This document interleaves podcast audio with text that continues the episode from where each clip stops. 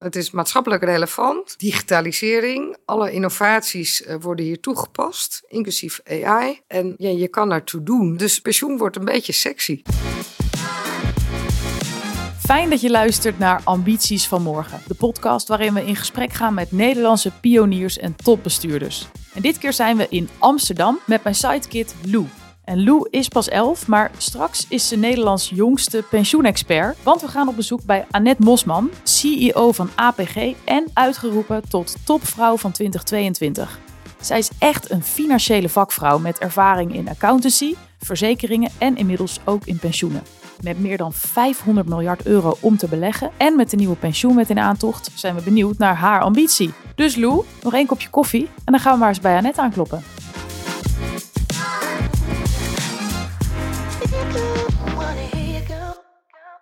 We zitten hier bij eh, APG in de basisweg nummer 10 bij Sloterdijk in Amsterdam. Samen met Annette Mosman. Mogen we jij zeggen vanochtend? Heel graag. We lazen dit weekend dat jouw agenda tot de kerst helemaal vol zit. Dus we voelen ons extra vereerd dat jij hier ons wilt eh, ontvangen vandaag. We gaan het hebben over ambities. Jouw ambities met APG en voor Nederland. Maar eerst willen we natuurlijk even kennis maken. Kun je jezelf kort introduceren?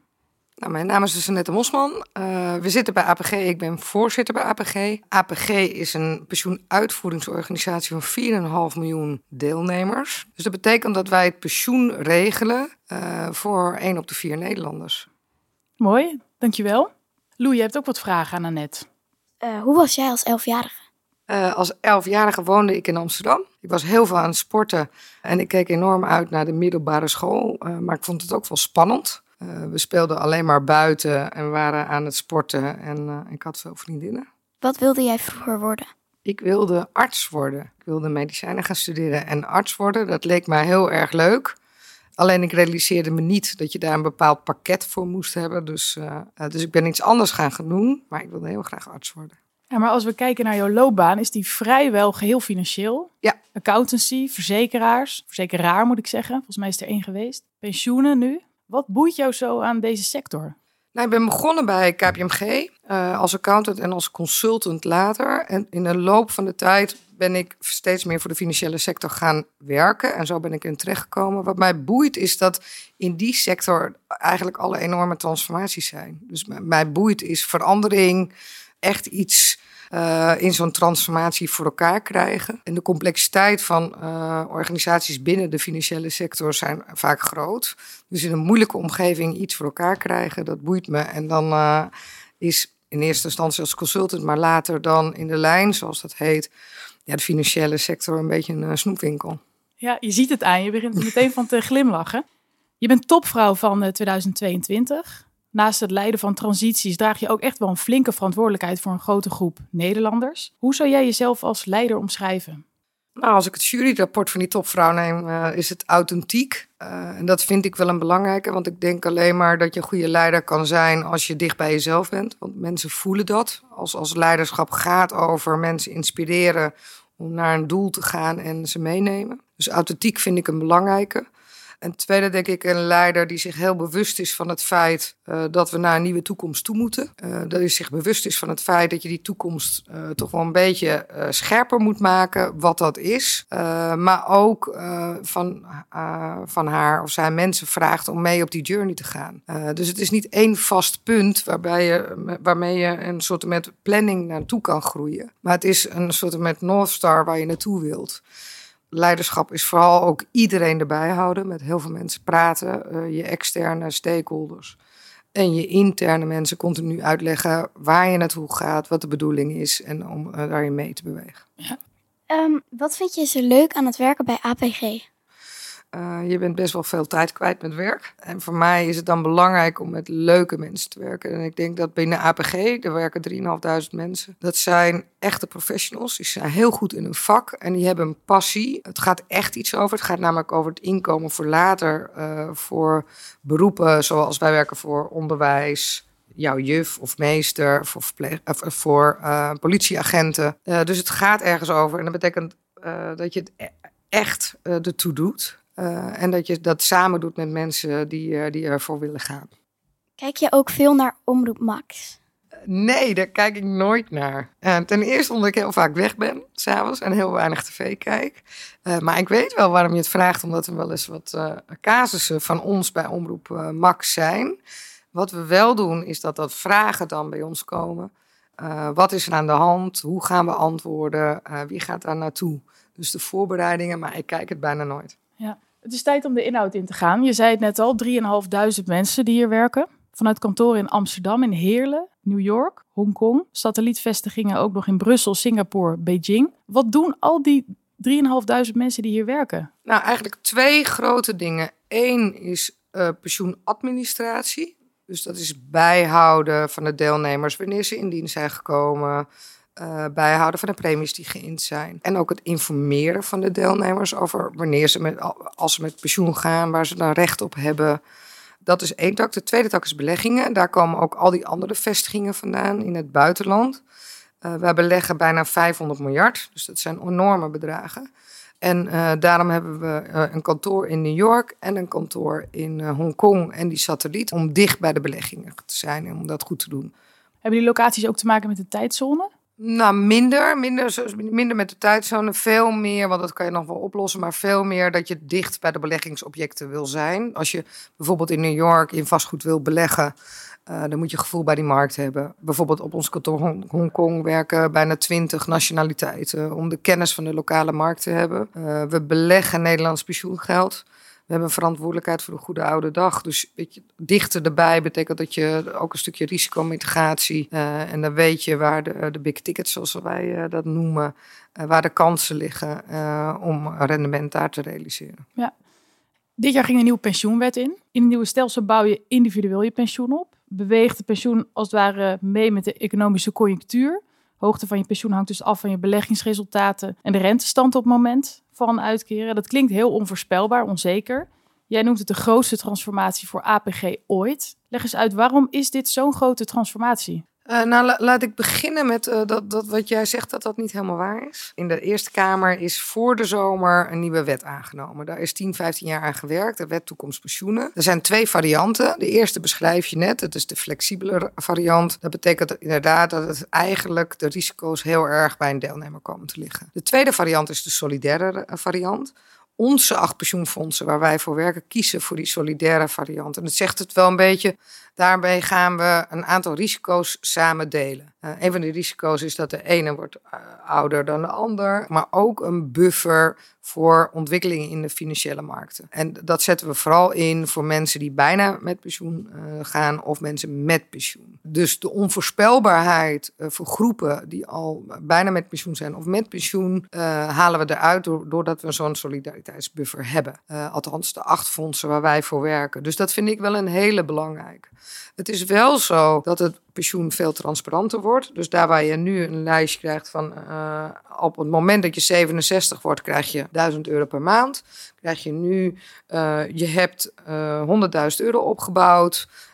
We hebben dat belegd. Er komt zoveel rendement bij. Zoveel kosten gaan eraf. En nu, als de financiële markten het goed doen, wordt het 110.000. Het is niet onzekerder dan het pensioenstelsel hiervoor. Mijn stelling is niet. Het, uh, het was een soort met schijnzekerheid. Want toen kreeg je het bericht, je krijgt 1000 euro per maand. Maar je kon gekort worden of je kon geïndexeerd worden. Omdat we die belofte uh, deden van 1000 euro per maand, moesten wij hele grote buffers aanhouden. En dat betekent dat we minder risicovol konden beleggen. En in de praktijk, de afgelopen 15 jaar, afgelopen jaar is er nog heel veel geïndexeerd, maar daarvoor niet. Dus er zat al onzekerheid in dat oude systeem. In het nieuwe systeem zit dat er ook. Je bent afhankelijk uh, van de financiële markten. Dat betekent dat je bij, uh, als individu bij een, bij een professionele belegger zit die 500 miljard. Dat betekent dat je toegang hebt tot uh, investeringen in New York, in, in, in Azië, tot professionals die dat doen. En ook dat betekent dat je veel meer vanuit de, gedachte van impact en duurzaamheid kan doen. Dus het heeft heel veel voordelen, die solidariteit en de kracht van de omvang van de investeringen. En het is zeker waar dat er een risico is dat je daaraan gekoppeld bent. daarom moeten we ook veel beter gaan communiceren met deelnemers. Veel meer dan uh, één keer per jaar een brief sturen. Ja, ja. En ik heb me laten vertellen dat wij niet het eerste land zijn die deze transitie doormaken, maar wel het land dat dit op de grootste schaal doet. Ja. Vind je niet spannend?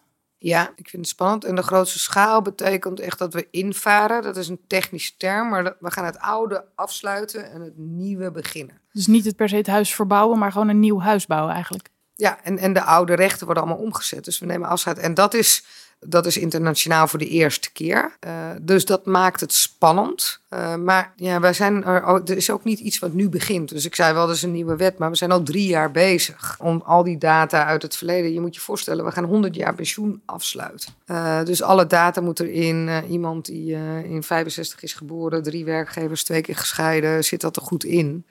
Eh, dat doen we normaal bij een eh, met pensioen gaan. Checken we een dossier. En dat moeten we nu voor alle 4,5 miljoen deelnemers. Want dat moet in één keer goed. Dat is wel een hele flinke klus. Dat is een flinke klus. Is er ook nog een moment dat je aan de handrem kan trekken? Eh, nee, we gaan nu vol. ik denk dat er vanuit de politiek al genoeg in de handrem is getrokken. Dus we gaan vol vooruit. Eh, die opbouw die ik net zei, van kleine fondsen naar grote, eh, dat helpt.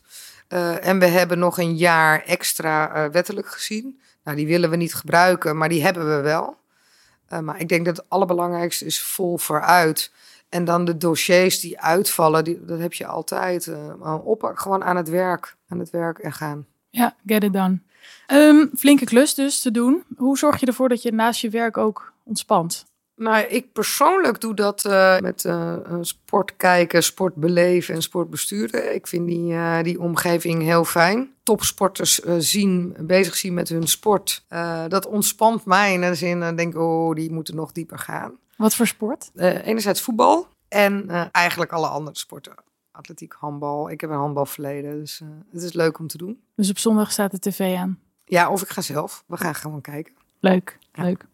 Nou, ik denk voor nu genoeg kritische vragen. Het is tijd voor het keuzekatern. Lou, wil jij beginnen? Wat vindt u lekkerder, bos of strand? Strand. Eh, waar werkt u liever, thuis of op kantoor? Ik werk liever op kantoor. Op wie lijkt u meer, uw vader of uw moeder? Ik lijk meer op mijn moeder. En eh, waarom lijkt u meer op uw moeder? Mijn moeder had net als ik, eh, die het leuk vond om allerlei dingen te doen. En mijn vader, die had na zijn werk, vond hij het altijd wel lekker om gewoon voor de tv te zitten. Als je mocht kiezen, APG als shirt sponsor van Ajax of sponsor, hoofdsponsor van het Concertgebouw? Mag ik ook geen van beide zeggen? Ja, als je dat goed kan verklaren. Ik kan het wel verklaren, want eh, wij sponsoren niks bijna.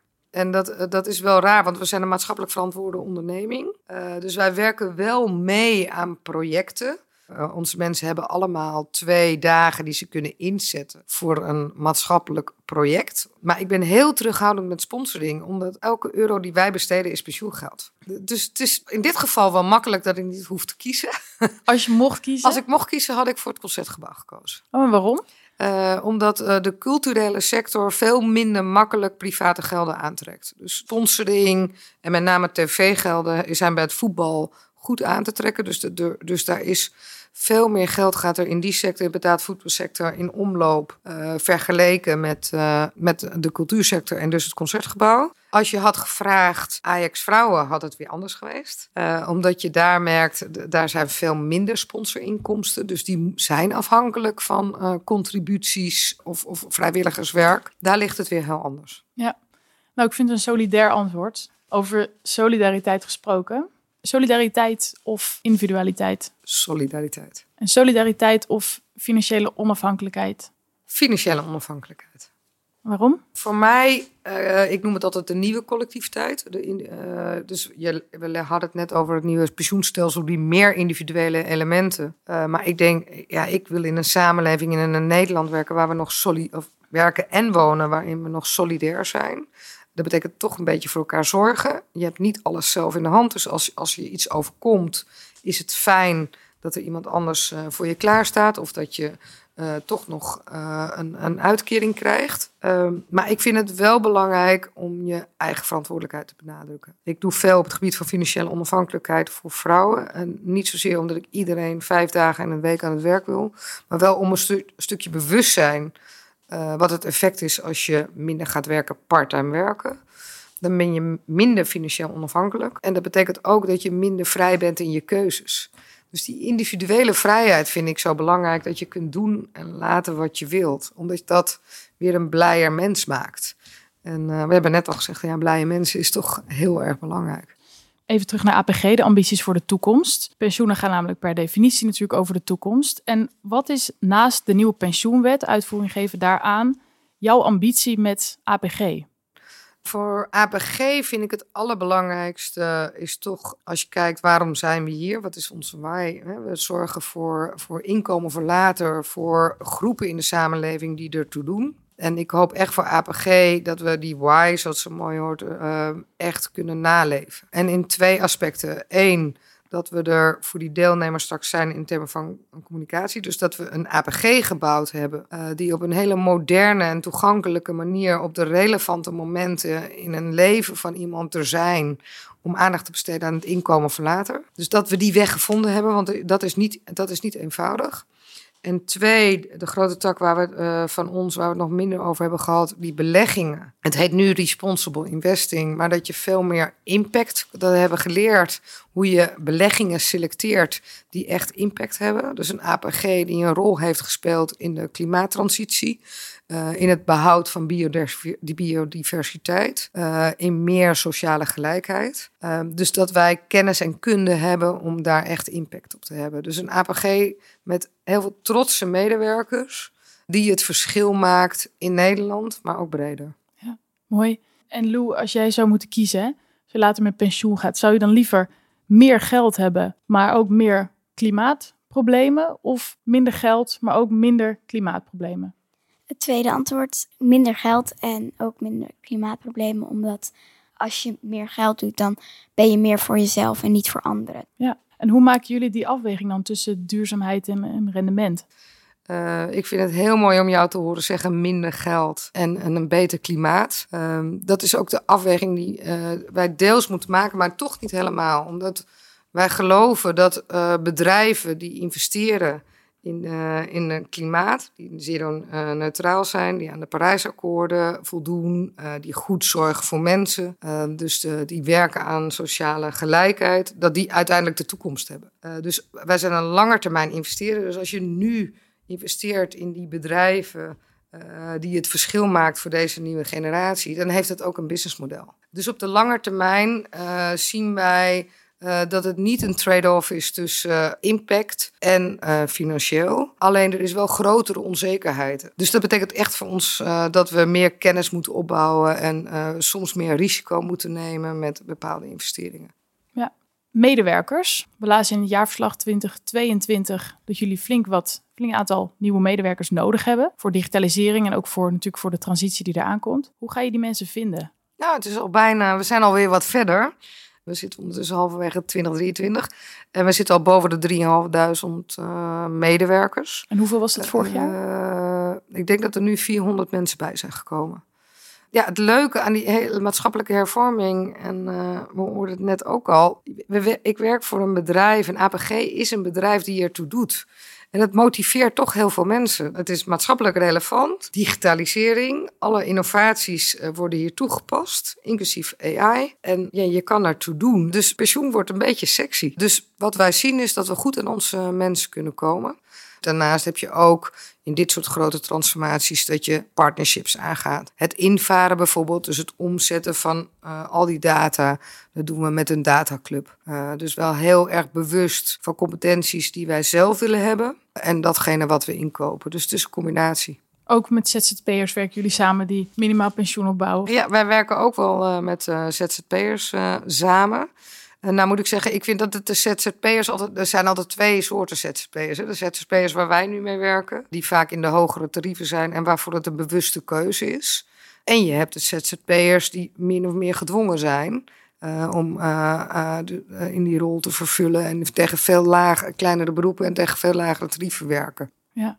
Ik wil ook even stilstaan bij een stuk efficiëntie. Over de pensioensector wordt ook wel eens gezegd dat het best wel efficiënter en goedkoper kan. Kan APG kostenefficiënter werken? Ja, het antwoord is ja.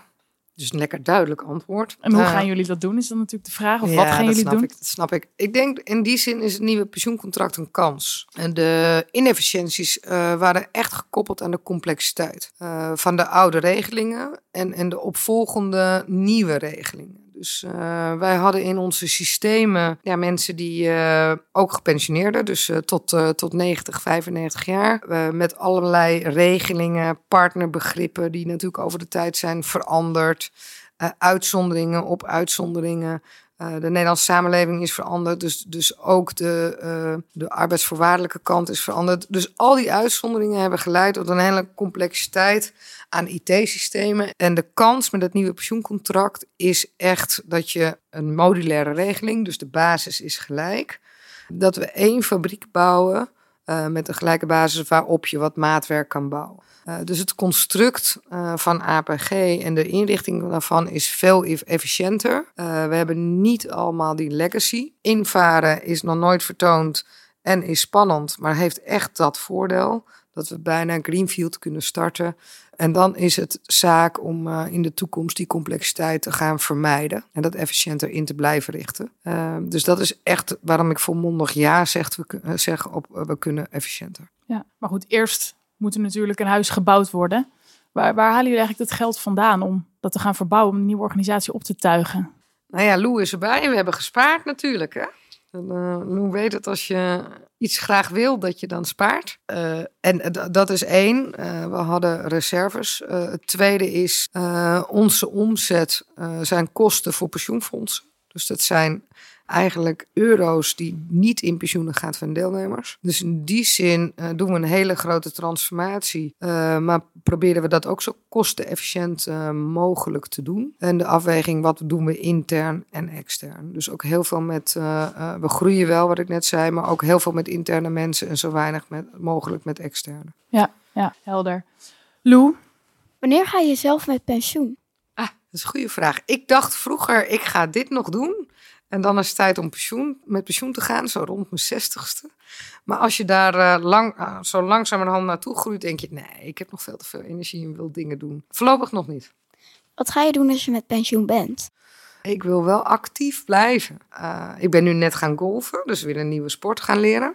wandelen, leuke reizen maken. maar ook vrijwilligerswerk. dus altijd iets rondom sport om, om erbij te doen. Wel bezig blijven dus. Bezig blijven, zeker. We gaan naar een afronding toe. En Lou, de laatste vraag is weer voor jou. Wat zou jij meegeven aan jonge mensen die iets willen bereiken?